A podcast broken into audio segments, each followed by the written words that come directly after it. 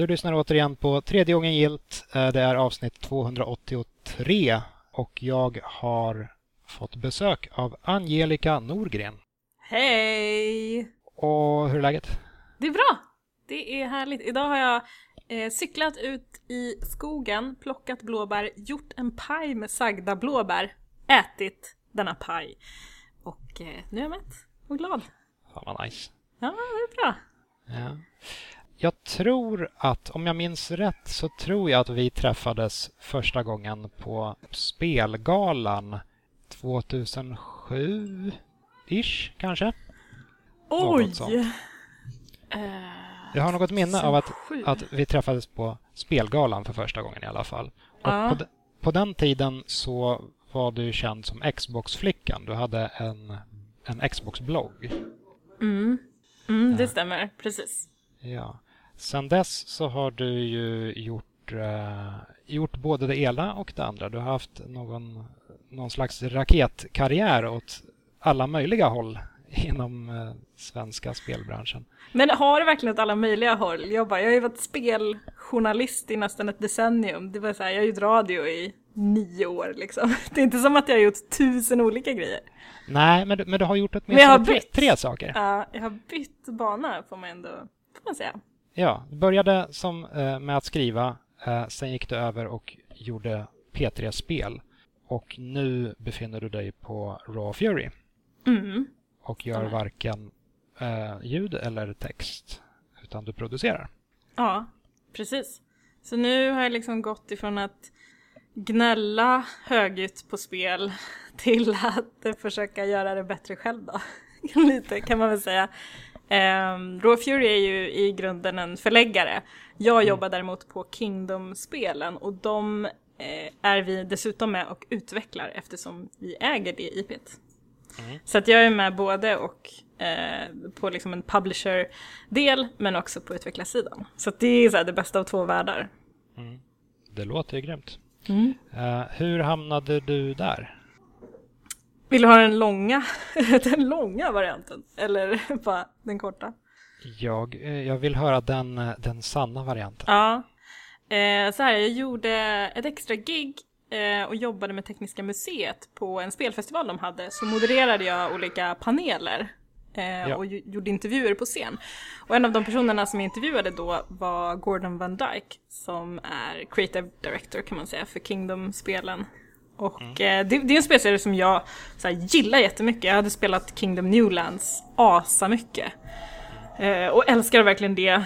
Eh, och det, som alltid när man känner ganska starkt för ett spel så har man ju ganska mycket åsikter. Så det som hände var att jag skakade hand med honom och bara hej! Vad kul att du har jobbat på Kingdom! Jag gillar det jättemycket fast det här och det här och det här skulle kunna vara bättre.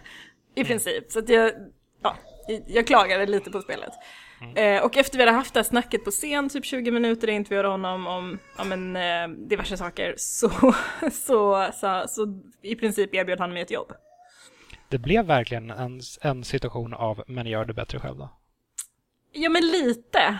Han är så här, vi, vi behöver någon som, som du.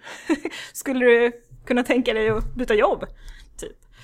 Ehm, och ja, men då, så här, då hade jag jobbat så himla länge med radio och eh, alltså, det var inte som att jag var trött på att göra PT-spel. Jag har alltid tänkt att så här, jag kör PT-spel tills det inte är kul längre.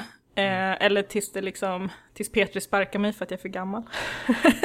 Något av de två. Men jag kände lite också så här, shit vilken, vilken spännande möjlighet att få dels jobba med ett spel som jag så här, faktiskt gillar. Men också så här, komma in, ja men så här, lite räk, räkskal höll jag på att säga, så heter det inte. Bananskal heter det. Jag, jag tror att jag tänkte räkmacka och bananskal samtidigt. Ja, en eh, icke helt eh, bra rätt. Nej, exakt. Jag gled in på ett räkskal. Eh, nej men så här, att få lite som en så här genväg, för jag har tänkt så här, men kanske skulle jag plugga då? Ska jag plugga spelutveckling sen? Det kanske är det jag ska göra, för jag har nog ändå tänkt att jag varit lite sugen på det. Och då dök den här chansen upp att här, jobba på ett spel jag gillar, få liksom en genväg till ett företag som, så här, jag kände ändå en del folk som jobbar där redan innan jag började, typ Martin Lindell, som har varit min närmsta kollega eh, under senaste halvåret liksom. Ehm, Ja, det, det känns som att det är väldigt många som plötsligt befinner sig på Raw Fury. Eller jag- upptäckte Ja. nyligen att så här, vänta ett tag. Angelica är där, Martin är där, eh, Mea är där, Boel är där, eh, Nasir är där. Ja. Eh, vad, vad är det som händer där borta egentligen?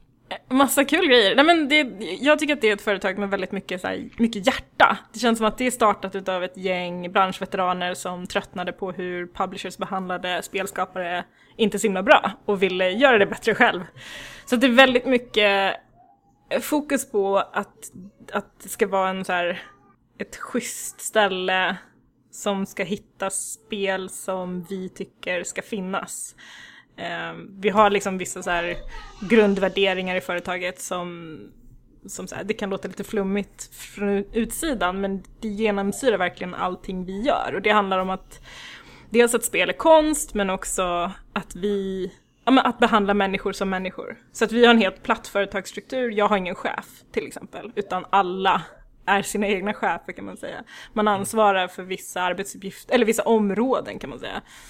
Så att jag, det som jag ansvarar för som eh, handlar väldigt mycket om, ja men det handlar om kvaliteten eh, på Kingdom-spelen.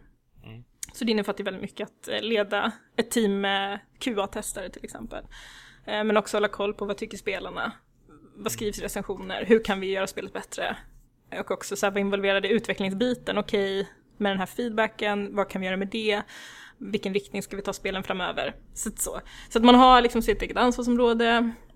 Ehm, och, och sen har vi också ett sånt värdeord, vad man säga, som eh, handlar om, ska jag översätta? Jag orkar inte översätta. Ja men det är så här, for happiness, eh, inte för profit, utan vi vill vara en force of good. Alltså vi vill göra världen bättre, vi vill göra spelvärlden bättre, vi vill göra liksom, livet bättre för de som jobbar hos oss. Och ta hand om de spelutvecklarna som kommer till oss med sina spel. Ja. Så det, det finns massa så spännande tankar som jag tycker känns himla rätt att fokusera på i en spelbransch som så här, ja men har man lyssnat på Peter Spel så vet man att jag har varit jävligt trött på så här pissiga free to play-spel och hur man utnyttjar så här spelmekanik för att bara krama ur folk på pengar och tid bara för att liksom. Mm. Medan jag, jag, jag, jag brinner ju för de här spelen som är så spännande, unika och ja, men så magiska upplevelser. Ja. Så att få jobba med indiespel är ju sjukt drömmigt. Um, så att jag hoppas, ja men så här, det lät som att jag bara såld, försökte sälja in mitt jobb, men så är det ju. Alltså, jag hade ju inte jobbat där om jag inte tyckte att det lät som en bra idé. Ja. Den, liksom, de tankarna som finns inom företaget. Så det är skitspännande. Sen är det ju, det är inte alltid en dans på rosor. Det är ju så här, att inte ha någon chef kommer ju såklart med massa utmaningar också. Inte ha den här klassiska företagsstrukturen som alla andra har. Liksom, det, det är klart att det är en beprövad metod som säkert funkar jättebra på massa stora företag. Men det krävs ju att man, ja men det, det är lite kaxigt att här, göra någonting annat för att man tror på det. Ja. Verkar, verkar kul. Mm. Eh, Ja, men jag, jag känner så här, eh, nu, när, när jag började där sista september, så nu har det ju gått, ja men, tre fjärdedelar av ett år. Och jag tror att de första tre månaderna, då hade jag så himla mycket ångest över att jag hade lämnat Petri Spel, att det var så här, jag, jag var inte helt säker på att jag gjort rätt val. Så att det tog ändå tid för mig att komma in i det och känna så här, jo men fan det är nog det är här jag ska vara. Och nu känns det superbra. Men det var så himla deppigt tror jag i början att känna att så här, shit, tänk om, tänk om jag ångrar mig, tänk om det här inte är kul, tänk om jag inte alls klarar av att göra det här. Det är också så, jag har inte jobbat med spelutveckling eller publishing tidigare. Vad kan jag? Göra radio? Det ska jag inte göra något mer. Ja, så att man får liksom en sån vanlig släng av sleven med imposter syndrom så fort man byter jobb. Och jag hade ju inte bytt jobb på så länge att helt plötsligt så hade jag glömt hur det var att vara ny på jobbet och inte kunna typ ett piss. ja, så att, eh, det, har varit en väl, väldigt omvälvande tid, men också superspännande. Ja. Tror du att du kommer vara kvar i en, i en sån här roll i ytterligare nio år? Det var väl nio år du gjorde Petrus-spel? Mm. Gud, vilken svår fråga. Jag bara, hur gammal är jag om nio år? Du är liksom över 40. 2029. Fy helvete.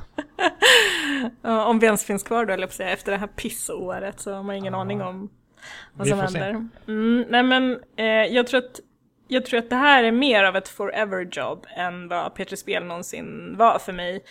För det kändes alltid väldigt temporärt. Eh, jag jobbade ju med det i nio år, men det var också så här, vi blev förnyade från säsong till säsong. Jag visste ju aldrig om jag hade jobb om ett halvår. Right. Nej, att göra spel är ju klart tryggare än att uh, täcka spel, om man säger så. mm. Om man hoppar bakåt lite i tiden då. Uh, kommer du ihåg ditt första spelminne från det ena till det andra? Mm. Jag kan inte säga att jag kommer ihåg mitt första första liksom, för jag var ganska liten. Typ fem. Min pappa kom hem med en Amiga. Och eh, en Amiga 500. Som jag och min två äldre brorsa liksom började spela på. Så det var ju så här blåa disketter. Vi spelade spel som Moonstone och James Pond. Med ett oh. P. Har du spelat det? Ja visst, Fisken. Ja, det är så himla roligt.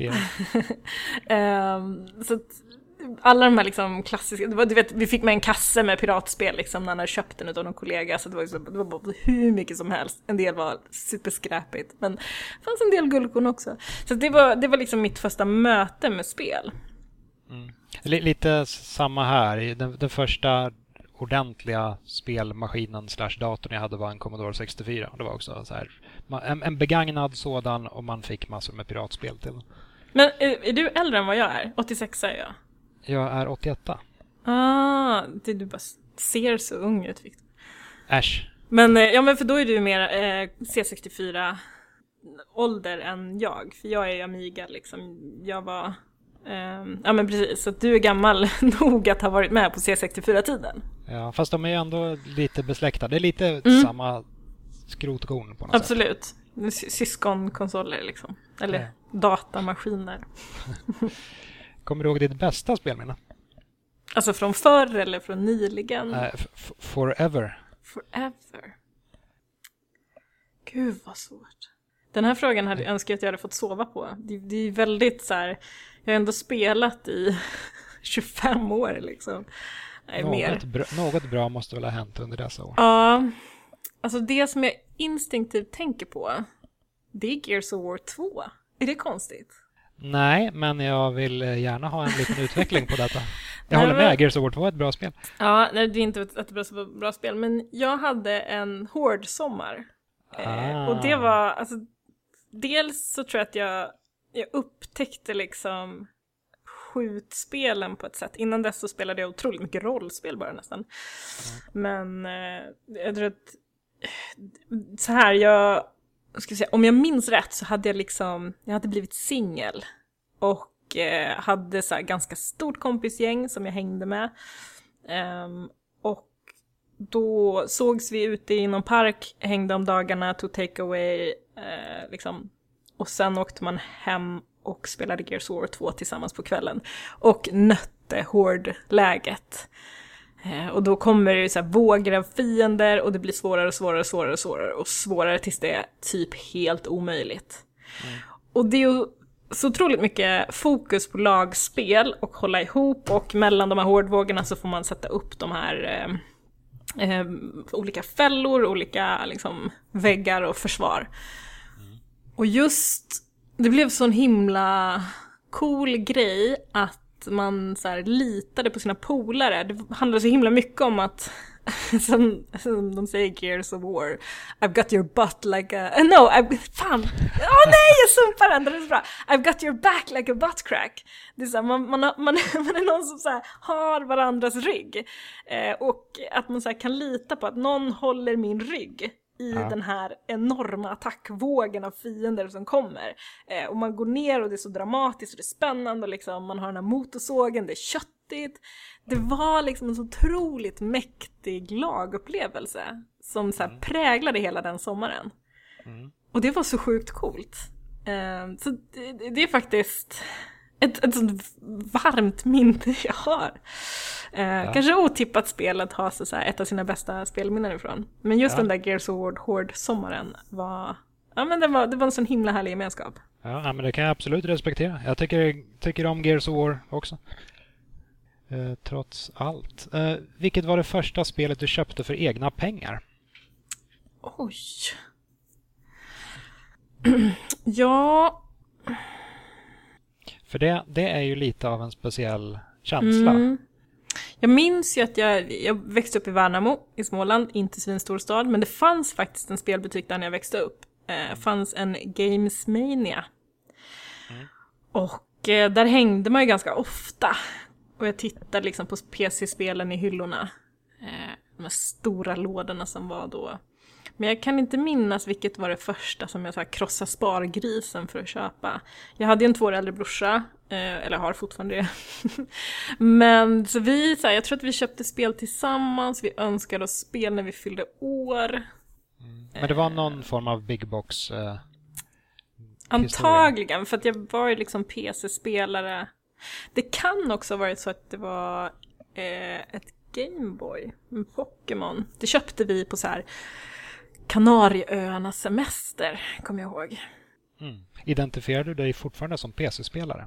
Nej. I grunden? Nej. Eh, oj, vad konstigt. Nej, det borde jag göra. Jag började ju som det, och sen, men sen gick vi över till Playstation. Så jag har ju varit väldigt konsolfixerad under många år. Och som du nämnde tidigare så startade jag en blogg som hette Xbox-flickan. Ja. så det, var när jag skaffade en 360 och då var jag så här, det här vill jag skriva om, kul! Eh, så jag har varit väldigt konsolfixerad. Men nu har jag ju gått tillbaka till att spela med PC eftersom det där mycket av de spännande indiespelen finns. Mm. Svänger lite fram och tillbaka i... Går i perioder kanske. Exakt. Vet du, jag ska bara stänga av min torktumlare så att den inte låter i bakgrunden. Häng kvar! För, för all del.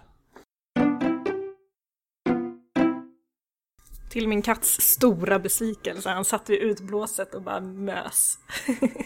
det, det finns ju få saker som luktar godare än en tvättstuga. Ja, jag tror framförallt att det rörde sig om eh, eh temperaturen på varmluften. Mm, inte heller fel. Mm. Eh, vilket spel har du lagt ner mest tid på? Det kanske är Hård då? Nej, absolut inte. Uh, alltså jag, har ju spelat online-spel. Jag har ju spelat liksom Final Fantasy 11 var det va? Mm. Som var online. Eh, spelat WoW också. Där tickar ju timmarna på ett sätt som man inte känner av liksom. Ja. Så jag har spelat otroligt mycket Dark Souls. Och eh, jag tror på senare tid det som jag lagt mest timmar på Alltså Animal Crossing är ju det som har dominerat de senaste månaderna. Där är den uppe i säkert 150 timmar. Ja. Jag har spelat otroligt mycket Monster Hunter World också de senaste åren. Ja. Uh, nej men det, ja, alltså så här, när jag var ung så spelade jag ju svinmycket The Sims också. Där har det gått många timmar. Men så här, om, man, om man skulle bara kolla strikt på timmarna, antagligen typ WoW. Mm. Spelmaskinen du älskat mest? Oj. Mm. Favoritkonsol helt enkelt. Playstation 2. Ja. Mm. ja. Bra konsol. Ja, jag tror det, eh, det var en, eh, en guldera för skräckspelen. Och rollspelen. De japanska rollspelen. Och de japanska skräckspelen. Otroligt ja. starka på PS2. Mm. När det väl kom igång. Exakt. Säga. Det, det, det, var ju en, vi snackade lite om det på, på Facebook eh, innan vi spelade in här. att det, det, var ju en lite märklig eh, period in, in, alldeles i början där av Playstation 2-eran innan typ Final Fantasy 10 släpptes när vi hade spel som Dark Cloud och Eternal Ring och mm. liknande. Jag gillade Dark Cloud jättemycket. Det är en, det är, om, alltså, om man inte har spelat det här korta pitchen är liksom eh, att man, man går runt i olika dungeons och sen så samlar man på sig eh, bitar utav en stad som man ska bygga, bygga ihop igen kan man är väl den korta pitchen liksom. Mm. Action-rollspel. Eh, och jag tyckte att det var ett sånt briljant sätt, framförallt i tvåan, att man, man samlar de här olika, så här, man kunde hitta en liten orb som innehöll ett hus, eller en, ett träd, en gunga, en sten, en liten eh, liksom, damm. Och så gällde det att placera ut de här sakerna eh, optimalt, så att så här, personer bodde grannar med folk de gillade, de hade nära till saker de ville ha nära till, de hade rätt grejer i sin trädgård. Så man fick gå runt, och prata med folk och liksom försöka klura ut hur de ville ha det. Så att man återskapade den här då eh, lilla staden som hade splittrats eh, mm. på ett så perfekt sätt som möjligt. Jag tyckte att det var en så himla himla smart grej och jag kan fortfarande idag känna att så här, shit, varför har ingen gjort det där igen? Varför kommer det inte ett nytt Dark Cloud-spel? Ja.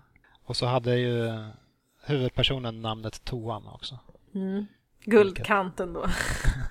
Pricken över iet. Ja. Eh, vilket spel önskar du att du hade gjort själv? Oj. Nu när du faktiskt Mm. producerar spel. Return of the Obra Dinn. Oh. Mm. Mm. Jag tycker att det är fullkomligt briljant. Ja, jag har fortfarande inte spelat det. Jag, jag känner till, till premissen och jag liksom vet hur spelet ser ut. Det ser ju väldigt fint ut. Men av någon anledning så har jag inte kommit mig för att spela det. Och jag tror verkligen att det spel jag skulle uppskatta. Mm. Mm. Det är ju som en härlig blandning mellan Cluedo, murder mystery och eh, jag vet inte vad.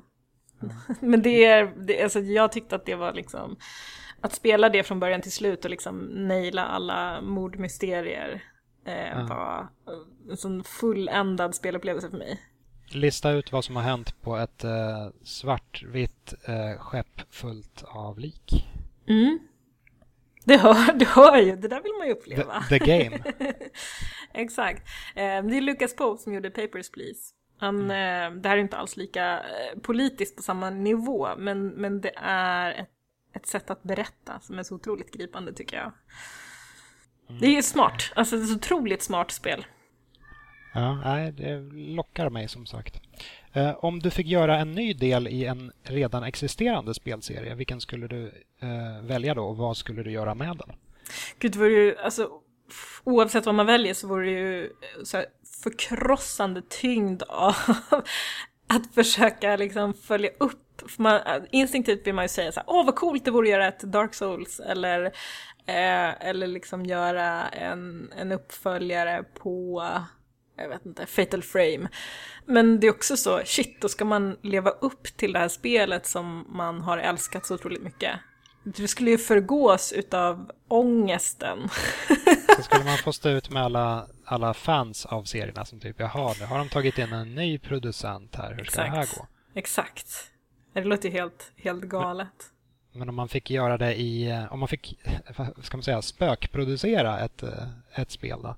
Mm. Inte behöva hantera hela den eh, so- eh, potentiella sociala backlashen från dumma fans som typ fansar runt som spelfans brukar göra. Ehm, ja, alltså, kanske får säga Fatal Frame ändå. Project Zero hette ju det i Europa. Det är ett, ett av de så här PS2-skräckspelen som jag tyckte så väldigt mycket om. Eh, handlar om, om ah, så japanskt spel där man går runt med en kamera. Så man använder kamerablixten och fotografier för att besegra spöken. Och det är så jävla läskigt och det är så jävla coolt och kul koncept. Eh, det, det är en sån serie som jag tycker är så otroligt sorgligt att den eh, dels gick åt helvete men också dog ut. Jag Ja, hade så himla gärna spelat mer av det. ja nej, de, är, de är riktigt bra. Har du någon eh, idé på vad du skulle göra med, med konceptet? Men alltså, det vore coolt att göra en ganska så modern variant om man använder sig av kanske en mobilkamera istället. För de här gamla kameraobskura. Ja, just det. Ja, Mm. ja men det... Typ Project bara Zero mö- möter Pokémon Go. Exakt, bara en AR-variant utav det. Oj, oj, oj. Ja, ja, men det är guldgruva. Potential. Exakt. Mm. Vad spelar du tillsammans med dina vänner? Hmm. Alltså alldeles för lite just nu. Jag försökte hetsa min bokklubb till att eh, börja spela spel tillsammans istället. Spelklubb? Exakt. Jag tror att senast jag spelade någonting i multiplayer, då körde vi Project Winter. Har du Ja. spelat det? Nej, det har jag faktiskt inte. Det är väldigt kul, man är, jag tror att man är åtta spelare och ehm, man är liksom strandsatt, eh, typ som den här Alive, när man kraschar ett flygplan. den här gamla filmen där det slutar med att de äter varandra. Man behöver inte äta varandra här. Men man är liksom åtta överlevare som ska eh, bygga ihop en satellit, ringa efter hjälp, vänta på helikoptern och ta sig levande därifrån. Eh, det är liksom pissig snöstorm, det är vargar som kommer. Eh, och till råga på allt så är en eller flera i det här partyt eh, förrädare. Och försöker sabotera och hugga en i ryggen. Mm. Så att eh, man har walkie-talkies, man pratar med varandra, man hör folk som är runt omkring en som pratar. Men det är väldigt så, man ska lura, bedra och eh, bara nej, nej, jag, ju, jag har inte huggit någon i ryggen. Ja, så vet. Man får öva på sitt pokerface. Ah. Så det är nog det senaste jag spelade, det var väldigt roligt. Ja. Det har blivit lite svårare att spela tillsammans med folk sen, sen coronan blev en grej. Tycker du? Kanske lite granna. Jag tänker att folk borde vara hemma mer och borde vara mer benägna till att spela. Ja, fast jag, jag är ju mer benägen att vara hemma. Ja. Jag, du, vadå, jag, du rör mig, att man... jag, jag rör mig inte utanför dörren. Nej, men aha, du tänker att man ska spela saker fysiskt tillsammans, inte bara över nätet? Ja, det var i alla fall så jag brukade spela i the olden days. Det vill säga för ett par månader sedan. Ja. Då hade vi en liten spelgrupp som träffades varje tisdag och eh, körde eh, liksom lokala co-op, couch co-op-spel. Nej, vad mysigt! Ja, det, Okej. jag, jag tycker alltid att det är, det, det, det är det bästa sättet att multiplaya på i en soffa. Så är det ju. Gud ja. Ehm, så är det ju. Alltså, jag, det, jag ska också säga, jag har ju spelat otroligt mycket Animal Crossing. Och det har jag ju spelat en del i multiplayer också. Fast det är ju det är inte så mycket att göra. Det är typ såhär, hej får jag komma till dig och sälja lite äpplen? hej, har du något coolt i shoppen idag? Eller hej, vill du komma och titta på min, min nya skräckkällare? Ja, eller så här, om någon har något roligt husprojekt man vill visa. Jag byggde om hela mitt eh, sovrum till att täcka väggarna med burar med taran- tarantulas, vet du, de, såna fågelspindlar. Så det var så ett rum som bara bestod av fågelspindlar. Det var också starkt, starkt ögonblick. Eh, mm. Skräckkällaren. Nej, skräckkällaren var en sån här murder mystery basement. Eller bara en murder basement. Med så här blodspår på golvet fram till frysen och en sån här hockeymask som hängde på väggen. En yxa som står lite nonchalant lutad mot ett element. Ja, det är bra. Det är bra. Det går att ta ut svängarna i Animal Crossing, det är inte bara gulligt. inte bara gulligt. Det finns plats för mord även där. Jo då. Vad, nu ska vi se, vilket spel är ditt guilty pleasure? Mm. Det är...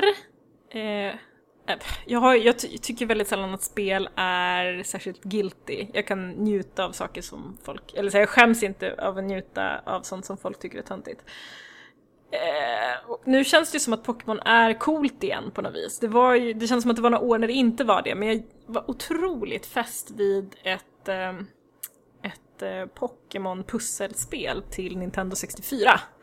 Som var en, eh, en mix mellan ja, Pokémon och Tetris Attack. Så att istället för att blocken faller ovanifrån så stiger de hela tiden nedifrån. Och så ska man eh, byta plats på två block för att matcha tre rader av samma färg. Pokémon Puzzle League va? Yes! Och det tyckte jag, alltså det är ett av mina favoritspel. Det är så, så, så, så himla bra. Men det var också så här, ganska töntigt att tycka det då. Så det var, det var kanske det närmsta ett guilty pleasure jag kommer. Nu tycker jag att det är fine. Men, men det var någonstans där, eh, jag, jag tror att jag så här blev så bränd av Pokémon för att jag var en early Pokémon-adopter. Jag eh, var ganska snabb på Pokémon-bollen.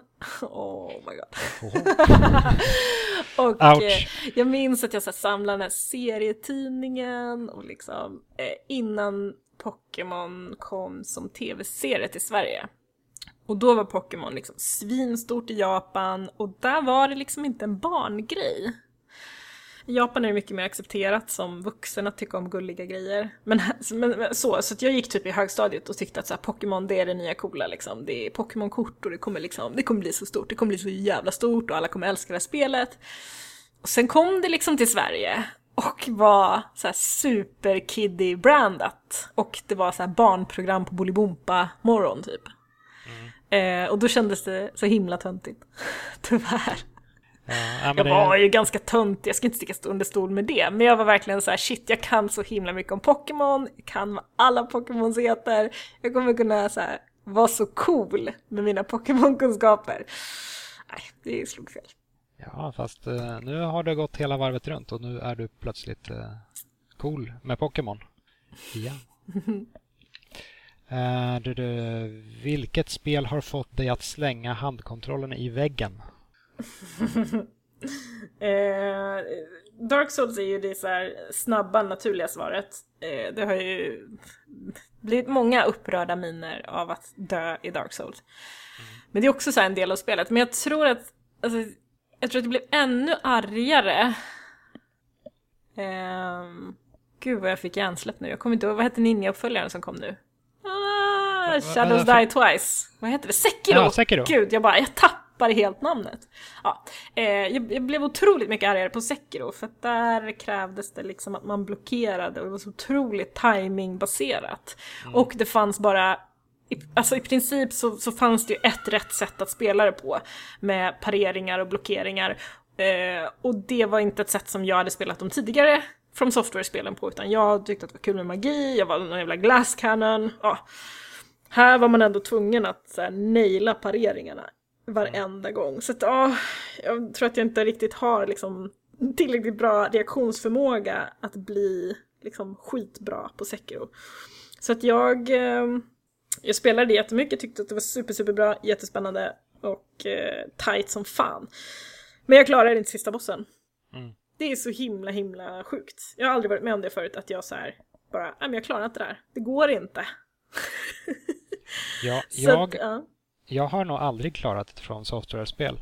Jag, jag kör fram till sista bossen och där tröttnar jag. Mm. Man, jag... ja, jo, men man kanske, ibland vill man ju spara liksom. Då vet man att det tar slut också när man klarar sista bossen. Ja, för min del så, jag, jag tycker inte att bossarna är den största behållningen. Jag gillar att utforska världen. Och att klara tidigare bossar, det låser ju upp nya mm. delar av världen som jag kan utforska. Men när jag kommer fram till sista bossen så vet jag att den enda belöningen jag kommer få här, det är att jag klarar spelet. Mm. Och det, det lockar mig inte. Så Nej, och sen jag har man lägger, lägger av där, typ, eh, eh, om man är säker på att man är klar. Det är ju det också. Det är väldigt sällan man kommer till sista bossen och bara ja nu ska jag klara spelet. Utan man säger åh oh, shit, vänta den här grejen har jag inte gjort. Jag måste gå tillbaka och kolla det här. Har det hänt någonting här? Eh, så jag blir ofta väldigt så, jag är ju en, en hundraprocentare. Jag är så här, okej, okay, det ser ut som att man ska gå ditåt, då går jag i motsatt riktning. Bara ja, för att kolla absolut. så man inte missar någon loot liksom. Ja, så är det ofta någon liten värdelös pryl som man ändå inte använder. Ja, det är så sjukt hur liksom styrda vi är utav de här klassiska hamsterbeteenden. Man bara fyller kinderna med lot liksom och så står man där som en svinfet hamster inför sista bossen. Har 37 mega potions och 15 liksom ball of fire och bara snålar ändå ur och använder dem inte. Nej. Alltså allting som är så one use, det spar man ju på. Man bara, jag kanske behöver det sen. Det är ja. sämst alltså. Drar mig väldigt mycket för att använda potions av något slag. Ja, de ska man ha. Exakt. Det är lite som att samla på, jag vet inte, antar jag, spel och ha dem inplastade eller någonting sånt där. Det här, det här ska inte användas. Nej. Det ska man titta på. Ja, framförallt så här bara, men jag kanske behöver dem sen. Man bara, men du, det är sista boss, bossen, så här, vadå sen?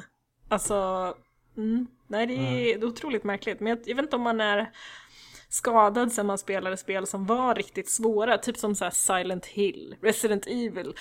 Alltså kom man till en boss då och inte hade tillräckligt mycket ammo eller healing för att klara den, då hade man ju fuckat hela sin sparfil liksom. Ja, då kunde man verkligen måla in sig i ett hörn på ett annat ja. sätt. Ja!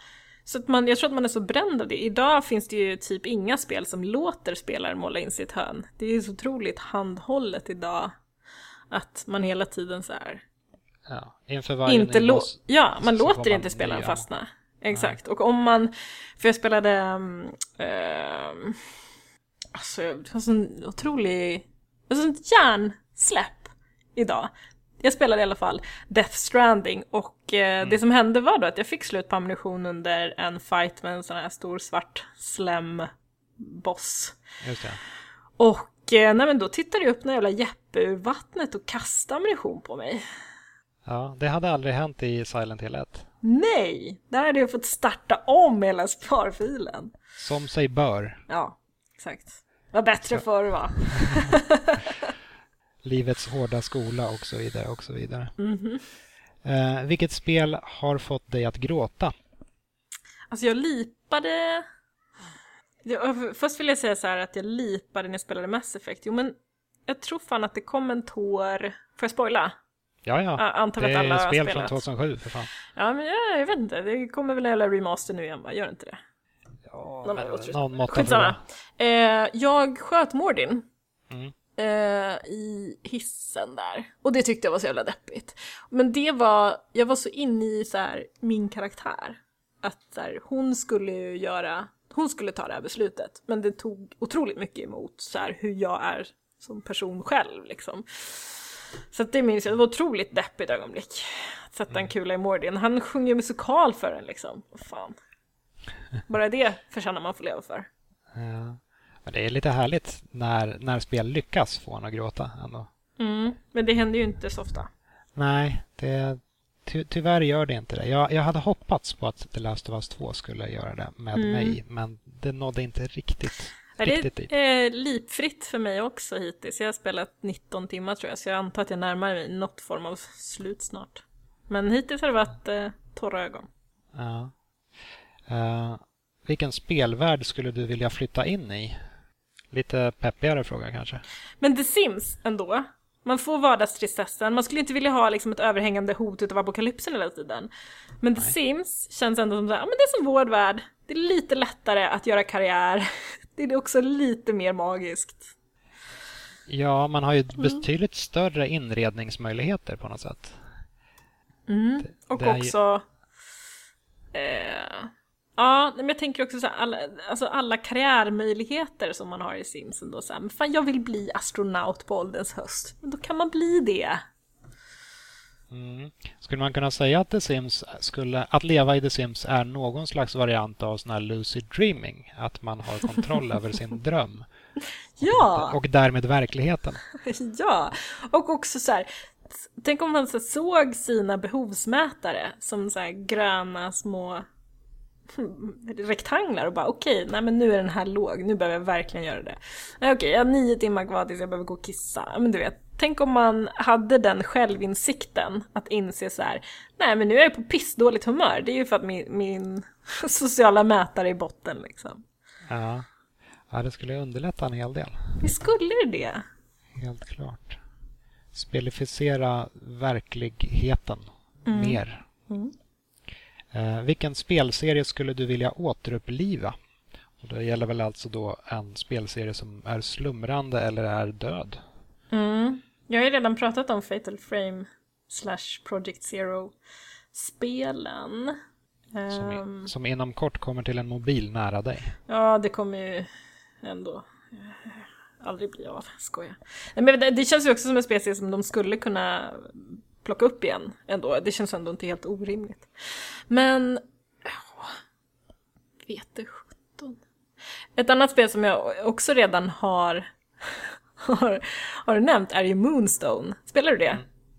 Fanns, det, det kanske bara fanns ett Amiga och dator kanske back in the day. Ja, Alltså, vid, vid det 90-talet. Ja, jag hade börjat glida över på Nintendo då. Mm. Jag sålde Jag min eh, C64 för att köpa NES och sen SNES och sen... hade ju aldrig Nintendo. Jag gick ju liksom, jag hade Gameboy men sen gick jag direkt på Playstation så jag missade ju hela NES och SNES. C6, eh, eh, Nintendo 64-eran. Jag missade hela den vändan så jag tog, har liksom tagit igen den i efterhand snarare. Eh, men Moonstone i alla fall, det är... Eh, Alltså jag skulle säga att det är lite Dark Souls-vibbar på det för det är så fruktansvärt svårt. Men det var så här riddarna runt runda bordet-vibe. Och eh, så skulle man eh, ge sig ut och leta efter den här moonstonen. Om jag kommer ihåg rätt. Så kunde man bege sig till olika ställen på en stor världskarta. Och sen så kom det upp en, en ruta stor fighting-sekvens där man slogs mot diverse monster. Eh, och det var så jävla coolt. Jag tyckte att det var otroligt häftigt, spännande, skitsvårt. Det är ganska också- blodigt också. va? Jag bara ah, det är så blodigt. Ja, Härligt. det var väldigt härligt, man kunde liksom hugga huvudet av folk. Eh, dramatiskt var det. Det skulle jag ändå uppskatta att uppleva igen. Någon sorts så eh, King Arthur-värld med eldsprutande drakar, typ. Skulle du i så fall göra det mer liksom tillgängligt eller skulle det fortfarande vara lite jävligt och svårt och så? Det skulle nog vara svårt. Jag tror att det, det passar som det. Jag tänker att det måste vara varit piss att vara så här riddare, konka runt på en tung rustning och så här, slåss mot gigantiska drakar. Det är ju klart det kommer gå åt helvete. Mer ga- än vad det går bra. Exakt. Ja, ja men visst. Eh, vilken spelserie, om vi vänder på frågan, vilken, vilken spelserie skulle du vilja lägga ner? Oj. Spontant så eh, vill jag skulle vilja säga Fortnite för att så här, se vad som fyller det voidet som kommer uppstå. Inte för att jag på något sätt hatar Fortnite, men, men det är ju en sån otroligt dominant spelare på marknaden. Att det vore spännande att se vad skulle ges utrymme istället. Mm. Det lät som ett superdiplomatiskt svar. Ja, men det, det, jag vet det, inte om jag har några hatspelserier. Det, det, är ett, det är ett intressant svar. Om man plockar bort en viktig komponent, vad händer då? Liksom? Mm. Men jag tycker, för Fortnite har ju gett otroligt mycket till spelvärlden, men också så här gett en otrolig eh, alltså, insikt för föräldrar tror jag. Alltså Fortnite har liksom bryggat mellan spelare och deras föräldrar på ett sätt som jag tror väldigt få spel har klarat av att göra. Eh, jag tror att Fortnite är ändå ett spel som, som många föräldrar har faktiskt satt sig in i och för, försökt förstå vad deras liksom, kids spelar. Mm. För att de måste, för att det är så stort, för att alla spelar det. Ja. Och det är ju, det är väl annars, säger jag som inte är förälder, eh, annars liksom den största fällan för just föräldrar. Att se att spel som någon form av eh, barnvakt som bara håller eh, barnen upptagna istället för att faktiskt sätta sig in i vad, vad det är som lockar i spelen och vad de, vad de sitter och spelar mm. för någonting. Exakt, barnvakt det har vi ju Youtube för. har, du, eh, har du någon eh, utstakad spelplan Uh, I och med att du är, är mamma. Ja, för mitt barn? Yes. Jag tror att jag kommer, alltså så här, det känns som att man antagligen har, man har ju mycket bättre koll, så man är, är kanske hårdare än vad andra föräldrar är. Föräldrar som kanske inte bryr sig om att sätta sig in i vad deras barn spelar. De kanske är så här, ja, säger barnet att alla kompisarna spelar GTA 5, ja, då får väl du också göra det. Medan en förälder som är insatt kanske är lite så här, mm, kanske inte kanske inte just det, just än, när du är mm. sex och ett halvt. Så, så antagligen kommer man väl vara lite hårdare. Men. Du kan ju även gå på Metacritic-snittet också. Du ska inte spela någonting som får under sju. Jag tänker ju att man kommer att så här barn som gör revolt och kommer liksom hålla på med så hardcore stickning eller någonting så helt annat. Bara vägra hålla på med spel för att så här, oh, morsan och farsan håller på med spel. Liksom. Nu jobbar ju både jag och min kille med spel. Så att det är ju det är det det handlar om här hemma. Så att hon kommer vara trött på spel innan hon blir gammal nog att så här, börja spela själv. Men nu är hon tre och ett halvt så att hon spelar ju så här, lite mobilspel och så här, mycket Tokaboka-spel. Eh, lite såhär Alfons, Radioapan.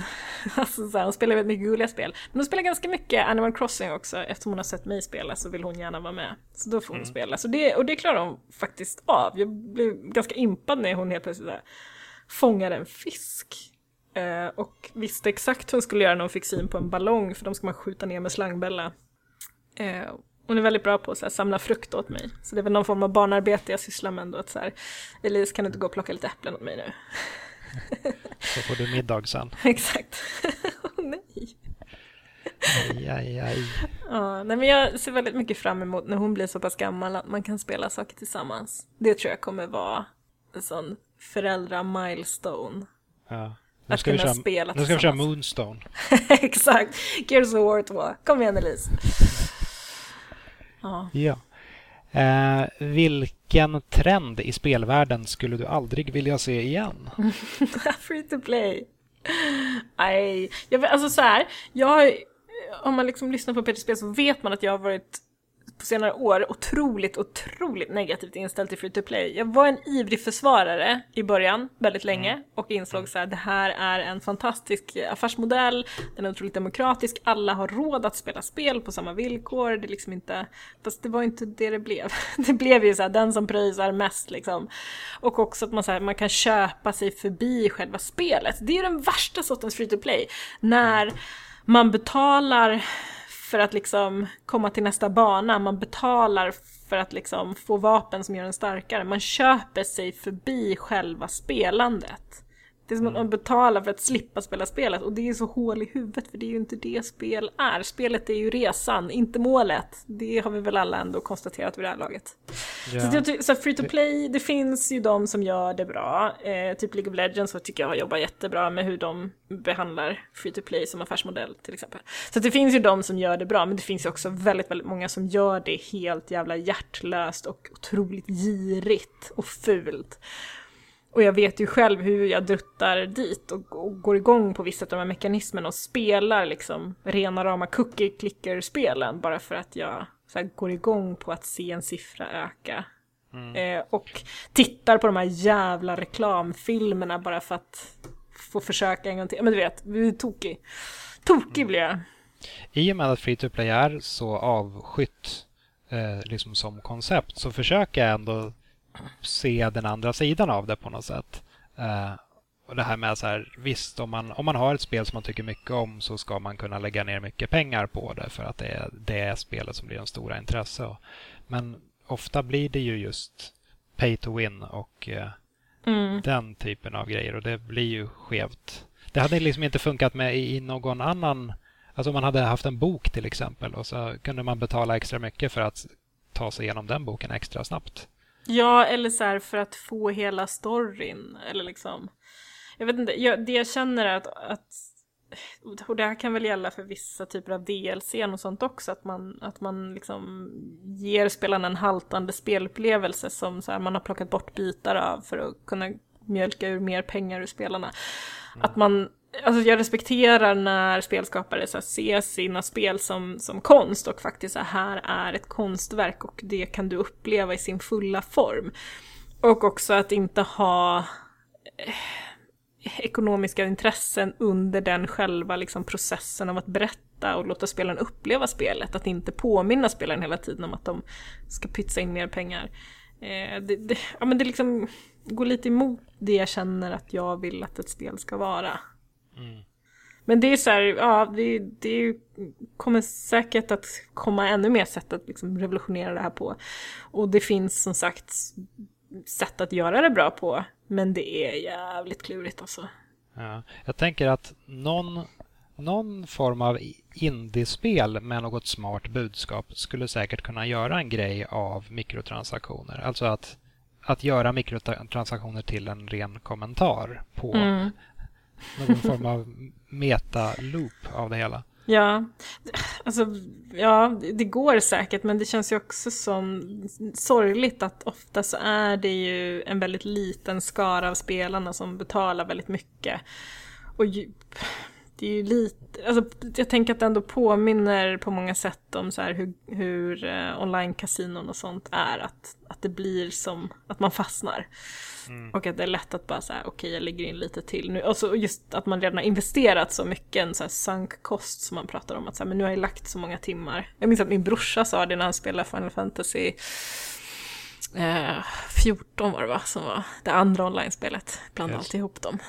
Ja. ja han spelade det och liksom så jävla mycket. Satt uppe på nätterna, han höll på och raidade med liksom sitt guild som var superproffsigt och du vet, plugga, försökte plugga på högskola samtidigt men spelade mer än han pluggade snarare tror jag. Och då minns jag att jag frågade honom så här, men fan, kan, du, du, måste ju sluta, du måste ju spela något annat nu liksom. Och då hade han verkligen så på allvar tittade på mig och bara, men förstår du hur många timmar jag lagt på det här? Jag kan inte sluta nu. Att liksom så här, han hade investerat så otroligt mycket i att bli så bra på det här spelet att det, liksom, det, gick, ja. inte, det gick inte att backa ur. Passerat ja. någon form av point of no return. Ja, och det är lite så jag tror att det lätt blir med vissa free to play-spel för de spelarna som står för liksom, en så stor del av intäkterna, de här valarna som man pratar om i, i branschtermer. Att man har mm. vissa, en ganska liten grupp spelare som spenderar otroliga mängder pengar. Eh, och jag har svårt att tro att... Ah, jag vet inte, det är väl upp till var och en såklart, men fan, det är något som skaver. Jag tycker inte att det känns... Eh, känns inte bra, gör det inte. Nej, det är mycket som har eh, gjorts fel med det. Även om jag, jag, tror säkert att det skulle gå att göra någonting bra med det. Men merparten av de saker som görs med det än så länge är mm. inte så bra. I alla fall. Eh, Om du fick ändra en sak i ett av eh, dina favoritspel, vad skulle du ändra då? Oj! Lägg till hård mo- mode i precis vad du vill. Åh, det var fantastiskt. I Animal Crossing kan man få ett hård mode i Animal Crossing. Det kan man säkert få. Ja, om jag ska utgå från vad jag spelar just nu så skulle jag, om jag fick ändra någonting, så skulle jag ändra hur jävla pissedålig eh, multiplayern är i Animal Crossing alltså. Har du, har du spelat detta? Nej, jag, jag eh, lockas inte riktigt av Animal Crossing. Jag, alltså jag har sett att det har blivit väldigt populärt under våren. Och, Mm. och det är många som, som älskar det och delar det på sociala medier och så. Och jag har funderat på att kan det här äntligen bli gången då jag ger mig in i Animal Crossing? Men nej, det är inte riktigt min typ av spel. Nej, jag ska inte alltså, säga att det är världens bästa spel. Det, jag tror att det hade tur och kom i en, liksom, vid en tidpunkt när folk behövde den här eskapismen och ha något bara gulligt litet att ta hand om. Det är ju lite såhär tamagotchi-vibben. och det är någonting som är en så daglig ritual. Mm. Folk är inte så religiösa längre, men tror fan att man går in i Animal Crossing lika liksom, regelbundet som man går till kyrkan eh, på 1500-talet. Alltså, så. Ehm, Men bättre multiplayer skulle det... ja, Kunna det ha, som alltså. är så sjukt i Animal Crossing är hur pissedåligt och krångligt det är att spela med andra spelare. Man måste liksom gå till den lilla flygplatsen, prata med en person där, alltså, och texten rullar så jävla långsamt. Så måste man välja så här. ja, jag vill spela online. Ja, jag vill åka till någon annan spelares ö. Eh, eller ja, jag vill att någon ska få besöka min ö. Vill du att vem som helst ska göra det? Vill du liksom bara dina bästa vänner eller dina vanliga vänner? Eller liksom så här, vill du använda en dodo-code? Alltså, oh, det är så himla många alternativ och man är så stressad utav den här texten som rullar så himla sakta på skärmen.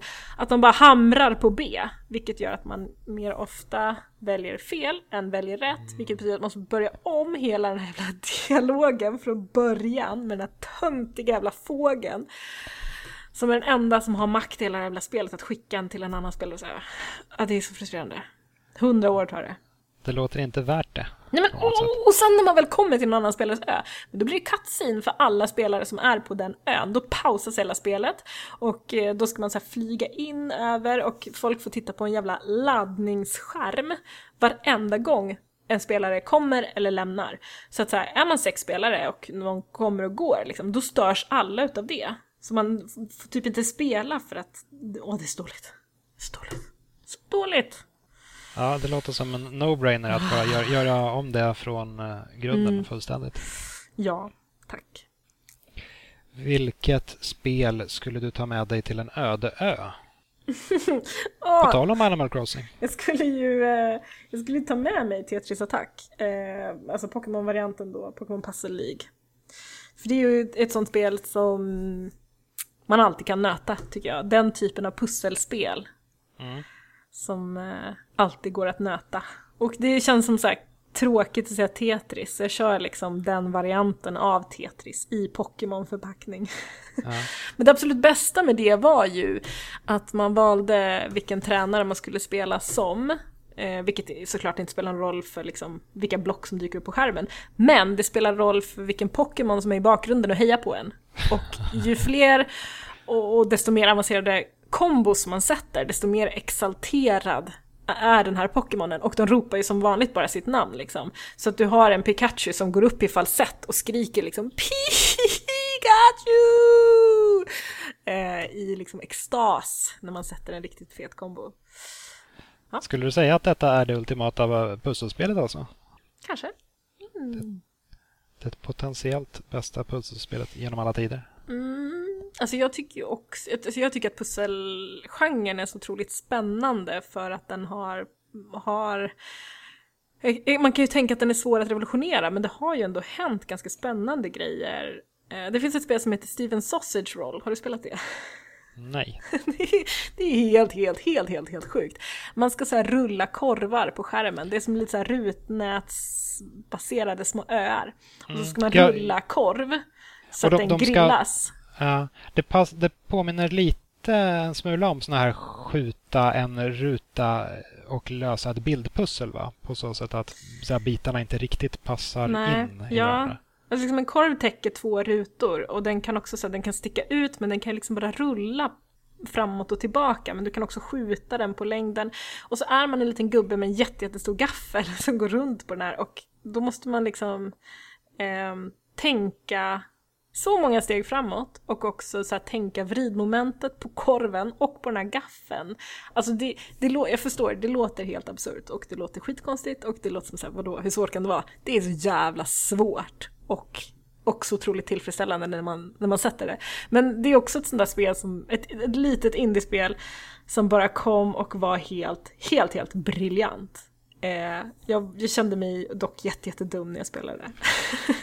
Men så här, Baba Is You eh, är också ett exempel på ett pusselspel som gör någonting ganska nytt och spännande med den genren.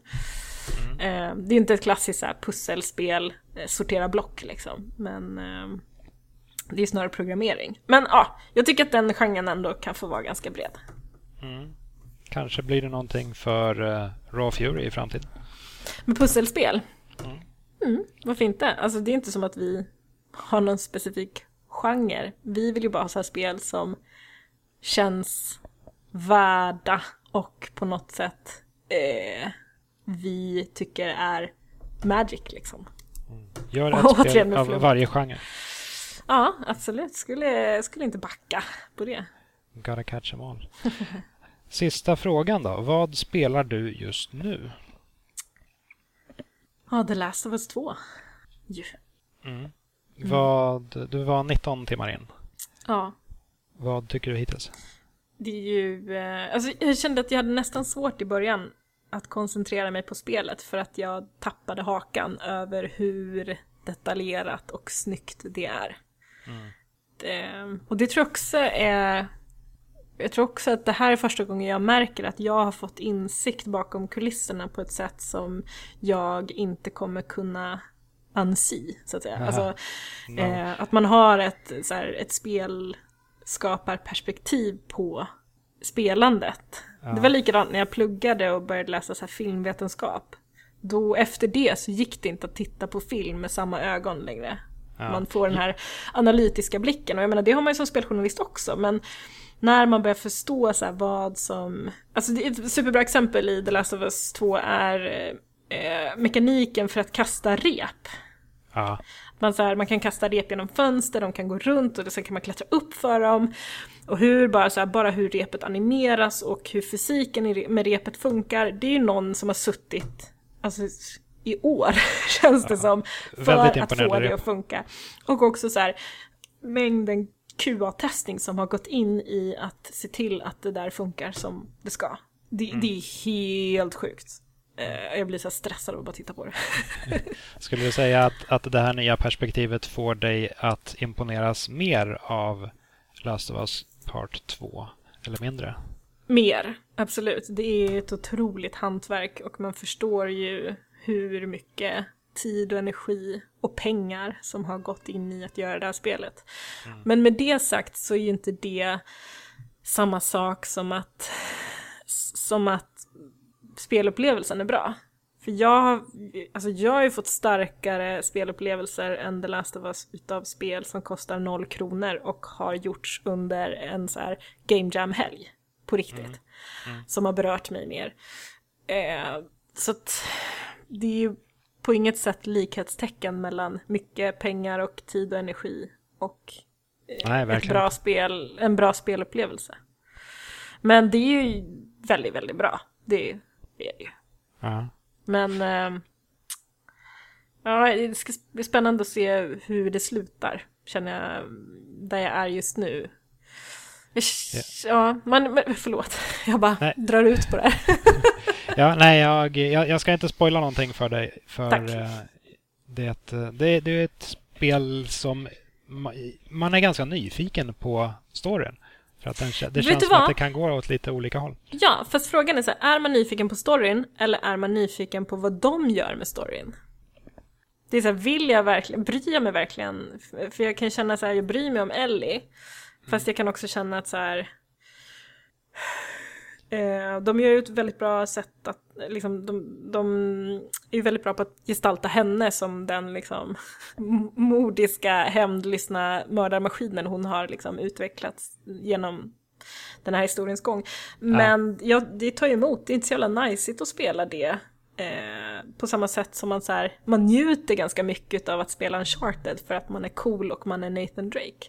Det här handlar ju mycket mer om att de vill berätta en historia om någon annan än att du som spelare ska få känna dig cool och tuff och ha roligt. Eh, ja, men därför man, ska jag... försöka, man ska inte försöka känna sig som, som Ellie, det blir nej, fel. Nej, men jag, jag känner att jag varit väldigt motvillig till det perspektivskifte som har skett, så att säga. Mm, det, det, känns inte som att jag så här, men det här bryr jag mig inte om. Jag vill inte veta det här. Jag vill inte, jag bryr mig inte. Jag vill inte, jag vill inte ha empati för de här människorna. Jag vill bara, jag vill bara att det ska sluta och bli, jag vill bara veta hur det slutar. så har jag känt lite. Men ja, jag vet inte. Vet du hur eh, ettan slutar? Ja. Ja, eh, när jag spelade tvåan så var jag, jag, jag tyckte att ettan hade ett, ett, eh, ett ganska, en ganska skön vad ska man säga, balans i stämningen i slutet. Mm. Eh, det blev liksom inte riktigt lyckligt och det blev inte riktigt olyckligt heller. Det blev lite små, så, småmörkt på något mm. sätt. Och jag var väldigt nyfiken på att se om de lyckades göra samma sak med tvåan. Mm. Mm. Ja, jag var... hoppas att jag får, får lov att avsluta snart för jag är också väldigt spänd på att läsa alla artiklar som har skrivits om det. Mm. Mm. Om, jag, om jag får sticka in en liten minirecension här så kan jag ju även passa på att säga att jag för tillfället eh, spelar Ghost of Tsushima. Jag är så jävla peppad på att höra mer om det här, så, så du är otroligt välkommen att berätta. Jag, jag, har ju gått från att vara van vid att få tillgång till alla spel som journalist och bara ja, ja, nej men det, det går säkert att fixa. Och nu bara, ja, men jag hänger väl på, på låset på webbhallen då hörni. Ja, ärligt talat, det är ju lite överskattat får man säga med tanke på hur otroligt lång backlog precis alla man snackar med har. Så det, det är ju aldrig någon brist på spel. Det, det handlar ju bara om man, om man är ett, en eller ett par veckor liksom förskjuten i förhållande till samtiden eller inte. Mm. Sen kan man ju spela dygnet runt i vilket fall som helst. Jag skulle kunna sluta eh, spela nya spel och bara beta av min backlog i eh, resten av mitt liv förmodligen. ja, verkligen. Och ja, också men... så här, jag skulle kunna gå tillbaka och spela om spel. Jag har ständigt en inneboende vilja att spela om Bioshock 1 och 2 till exempel. Mm. Så, ah, fan det vore mysigt. Häromdagen så berättade en kollega att de höll på att spela det Heroes of Might and Magic 3. Jag bara, oh. det kanske man skulle ta och installera. Och man bara, men vad gör du? Vad håller du på med? Sluta, du kommer aldrig hinna igenom din backlog om du håller på så här. Omöjligt. Det är ju bra. Heroes 3 är inte dumt. Uff, nej det är bra det är bra. Ja, Ghost of Tsushima i alla fall. Berätta ja, mer, Viktor. Det, det, ju, det har varit väldigt hypat eh, ett bra tag. Och på sätt och vis är det nästan lite orimlig hype tycker jag som det har fått. Eh, Sony marknadsför ju det här som liksom sommarens stora spel eh, vad ska man säga, efter The Last of Us Part 2. Eh, och jag, jag, kan tycka att hypen är lite väl orimlig, för det är Sucker Punch som har gjort det. Och inget illa sagt om Sucker Punch, men liksom med handen på hjärtat så är de ju en så här 8 av 10 studio snarare än en 10 av 10 studio. De har gjort Infamous och de har gjort eh, Sly Cooper-spel. Och de spelserierna, de är bra. De är riktigt roliga, men det är liksom inte det bästa på sina respektive konsoler direkt. Eh, men har Ghost of Tsushima, visst är det det som har skjutits fram ganska många gånger också? Det uh, har väl skjutits fram lite grann, ah, okay. för mig, men, mm. men inte något jätte. Nej, okej. Okay. Att det är nervös när saker håller på att flyttas fram och flyttas fram. men det kanske inte har flyttats så mycket då? Nej, det känns som att de flesta spel i år har flyttats fram. Det enda spelet som blev någorlunda låst, det var Final Fantasy 7 Remake. Men jag tänker på, jag kanske tänker på eh, det andra Ninja-spelet som parallellt har pratats om. Nej. Det andra Ninja-spelet? 9 och 2 mm. kanske, men det är, nej, det är inte Då är det of Tsushima jag tänker på han, som flyttades fram. Ja, skitsamma. Ja, kanske, kanske. Jag missade framflytten i så ja. fall. Oh, skitsamma. 9 och 2 släpptes i våras i alla fall. Jag bara, ja precis, jag bara, jag kan googla det här men jag, det kommer höras att jag smattrar på mitt tangentbord och så känns det så jävla oproffsigt. Äh, jag Ja. klipper bort smattan. Nej, skitsamma. Eh, Ja, eh. Men jag, jag, jag har liksom haft en vibb av så här. Först hoppats och sen bara shit det kommer bli skitcoolt och sen bara vänta nu flyttar de fram det, nu blir jag nervös. Eh, är de Ja. inte, har de inte liksom ordning på, på torpet? Vad händer? Ja. Vad händer? Ja, det som händer det är att liksom... Det, och det ska säga att Ghost of Tsushima är ju ett Open World-spel som utspelar sig i eh, det feodala Japan. Eh, det handlar om en kille som heter Jin som ska rädda sin eh, farbror som är fångad av mongoler. Eh, och det är liksom, det är snyggt och det är stämningsfullt. Eh, och det, det känns på sätt och vis som en, en sammanfattning av hela den här gångna generationen på något sätt. För och för det första så är det ett open world-spel och vi har haft... Ja, open world har varit genren under den här generationen. Eh, och för det andra så är det otroligt fullt av små svävande partiklar. Det är liksom den definierande grafiska grejen med spelet. Det flyger löv och det flyger små blomblad och det är eh, vindar som blåser och sådär. Eh, vilket är väldigt snyggt. Eh, men det, det får mig att tänka lite på Resogun, ett av lanseringsspelen eh, för Playstation 4 2013 när det var just massor med småpartiklar. och första gången man körde det så tänkte man att så här, jävlar, jävlar vad många små grejer man kan göra med, med den här nya hårdvaran. Eh, Så på sätt och vis ser jag Ghost of Tsushima som ett slags bokslut. Sammanfattning av de senaste sju åren. Eh, Men det, det, alltså det är ju ett roligt, det är ett roligt spel. Det har bra känsla i, i närstridsträffarna. Man slåss med katana och sådär. Det gör smarta grejer med vinden. Man använder vinden som eh, waypoint. Så istället för att liksom blinka upp saker hela tiden på skärmen så kan man, kan man eh, dra på touchpaden och så blåser vinden åt det hållet man ska gå åt. Och det är, sånt gillar jag, när man lyckas väva in Det är lite mer stämningsfullt än en blinkande pil liksom. Ja, precis. Sen har det, det har, om man kommer nära så har det små faktiska waypoints också. Men liksom i grova drag, när man rider över landskapet så, är det, så kan man förlita sig på vinden. Eh, som sagt, det, alltså det, det är ett roligt spel. Eh, men jag tycker att det, det är inte det bästa Open World-spelet man har fått den här generationen. Breath of the Wild tyckte jag var bättre. Eh, Horizon var bättre. Red Dead Redemption 2 var åtminstone mer imponerande än vad det här är. Eh, och parallellt med att jag spelar Ghost of Tsushima så spelar min fru eh, Breath of the Wild. Eh, och så sitter vi bredvid varandra. Hon spelar på switchen och jag spelar på eh, PS4. Och då, och, eh, Sneglar någon- du då lite längtande mot hennes skärm istället? Exakt! En del av mig tänker så här, jag har nog dragit det kortare strået här. För att, att uppleva Breath of the Wild för första gången är eh, det är bättre än att uppleva Ghost of Tsushima för första gången. Ja, fast det, öff, ja, det låter också lite orättvist att jämföra spel med Breath of the Wild som är ett sånt liksom mästerverk på många vis. Men, Men det- jag, jag, jag hör dig. Ja, det, det stör mig dock att liksom Breath of the Wild det är ju tre år gammalt vid det här laget, lite drygt. Och det har ännu inte blivit så pass stilbildande som jag kanske hade hoppats att det skulle vara. För Breath of the Wild gör ju två saker väldigt bra. Man har otroligt bra eh, utsikt över allting. Man kan ju se över nästan hela världen nästan hela tiden. Eh, och man kan klättra och glidflyga sig fram på ett sätt som får det att kännas som att det inte finns några osynliga väggar i Mm. princip. Och också att världen liksom beter sig på ett sätt som man rimligtvis kan förvänta sig men är väldigt ovan vid att få i spel. Som så här, Mm. Jag kommer ihåg första gången jag sköt en eld, en brinnande pil i ett Mm. äpple i ett träd. Och det här äpplet faller ner till marken, för att jag sköt ju på det. Och ner faller inte ett vanligt äpple utan ett grillat äpple. Ja, Och det är så här, mind fucking blown. ja, som ger lite, lite mer HP. När Ja, och det så här, världen känns levande på ett sätt som väldigt få spel lyckas med. De måste ju ha lagt piss mycket jobb på att göra det här. Men det är en sån otrolig belöning för att världen blir otroligt lustfylld att upptäcka. Mm. Ja, det, alltså det, det världsbyggandet som de har lyckats med i Breath of the Wild och den friheten som de har gett spelaren är så otroligt stark. Mm.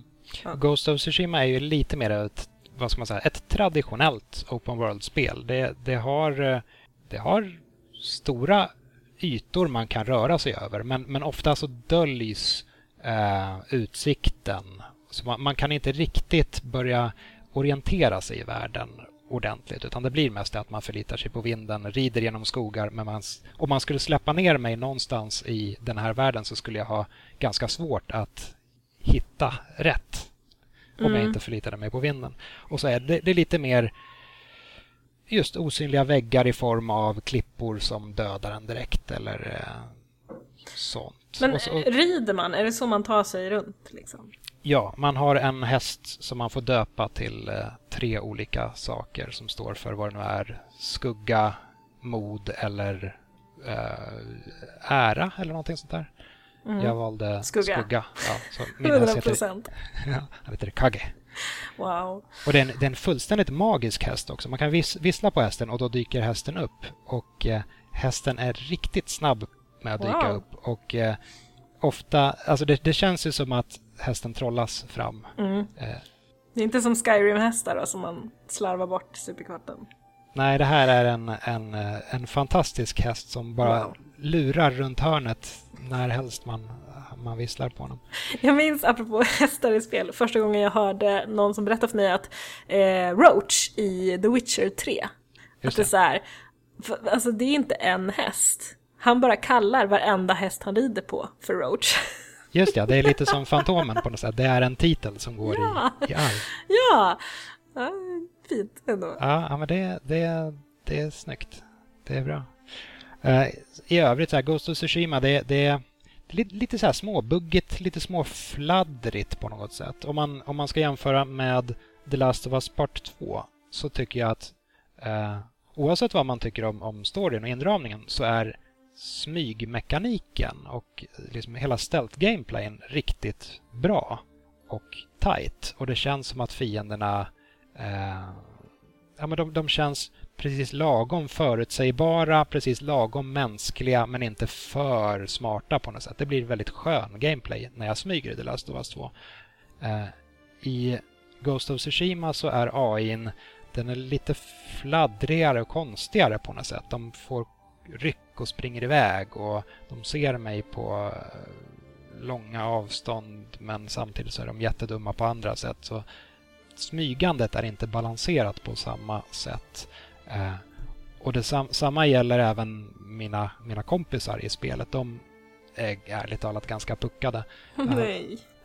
De, de kan liksom stå och ställa sig i en brasa och börja brinna och skrika. Och sen ryggar de tillbaka tills de slocknar. Och då pustar de ut och så går de och ställer sig i brasan igen och så gör de så tre gånger på raken. Alltså, tills man leder bort dem. Så det är, det är liksom inte ett, det är inte ett imponerande putsverk på samma sätt som The Last of Us 2 eller, eller Red Dead Redemption 2 för den delen. Jag, jag eh, fastnade aldrig jättehårt för Red Dead Redemption 2. Jag tyckte inte att det var jättekul att spela men det är ett jävligt imponerande spel.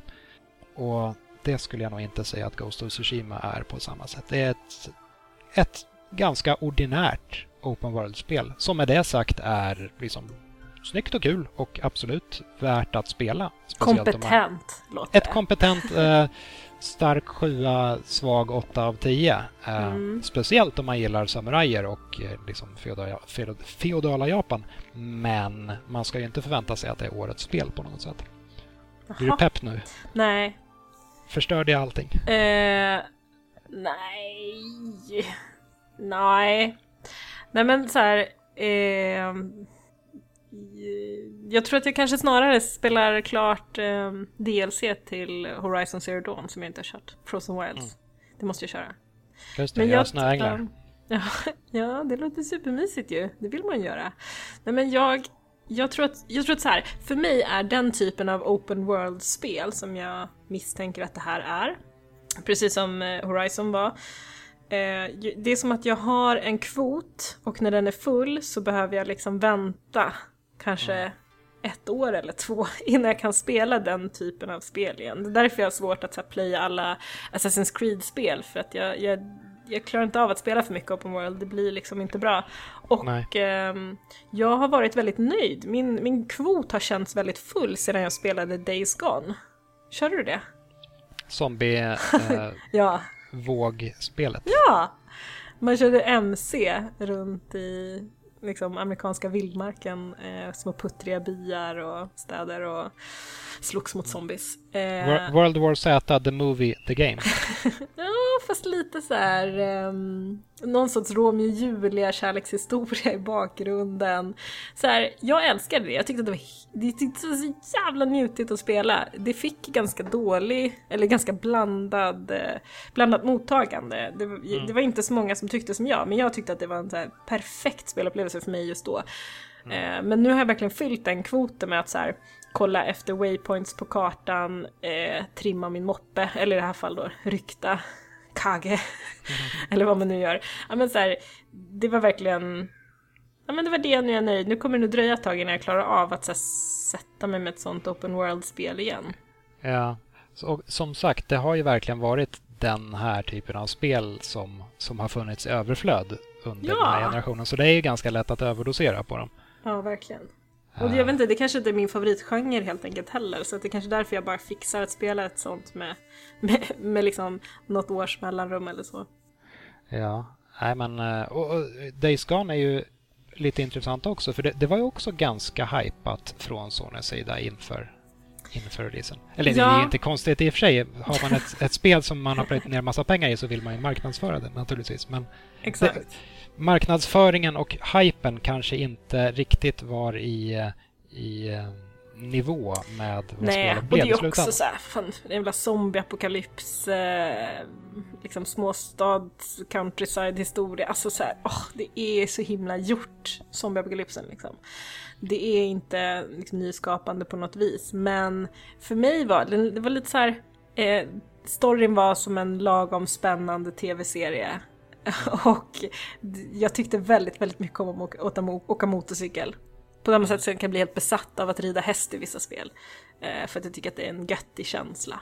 Mm. Eh, så blev jag helt besatt av att köra motorcykel i det här. Det var ja. så njutigt. Och sen så ibland så fick man stanna till för man skulle slakta lite zombies. Ja. Jag älskar när det händer. Fördelen med de här, den här typen av spel, oavsett om det är Days Gone eller Ghost of Tsushima då, det, det är ju att när man väl har, har plöjt in de här timmarna. Lite som, som din brorsa för den delen i Final Fantasy 14. När man väl har plöjt ner de här timmarna då, då börjar man uppskatta det. Det är nästan lite Stockholmssyndrom-känsla på något sätt. att Innan spelet är klart då, då uppskattar man det på ett eller annat sätt. Mm. Men det som jag tycker talar lite emot som du pratat liksom att världen inte att man lär, lär, inte känna världen för att man förlitar sig på den här vindvägvisaren hela, ganska mycket. Eh, det, det, låter lite synd för jag gillar verkligen i spel när man liksom börjar hitta. När man inte mm. behöver kolla på kartan. Man har verkligen. sina landmärken. Dark Souls. Eh, Ja men exakt, det är otroligt mycket den känslan. Man så börjar förstå hur världen sitter ihop. Inte liksom på något politiskt plan utan bara så här, förstå hur den här skogen sitter ihop med den här grottan. Och liksom, att få ja. sig, att känna sig hemma i en spelvärld. Det tycker jag är en sån otroligt stark känsla. Och ja. om man hela tiden bara tittar på någon sorts vägvisare så är det lätt att tappa den känslan. Det, det, det, är lite det att världen blir någon slags kuliss då. Det är en öppen värld men det, den, den utnyttjas inte riktigt som en öppen värld utan det är mest en bakgrundsfond mm. på något sätt. Mm. Mm. Och det är li, lite det som Ghost of Tsushima och många andra open world-spel liksom de senaste åren har, eller lider av. Var det en göttig story då? Eh, jo, men den är, den är ganska trevlig.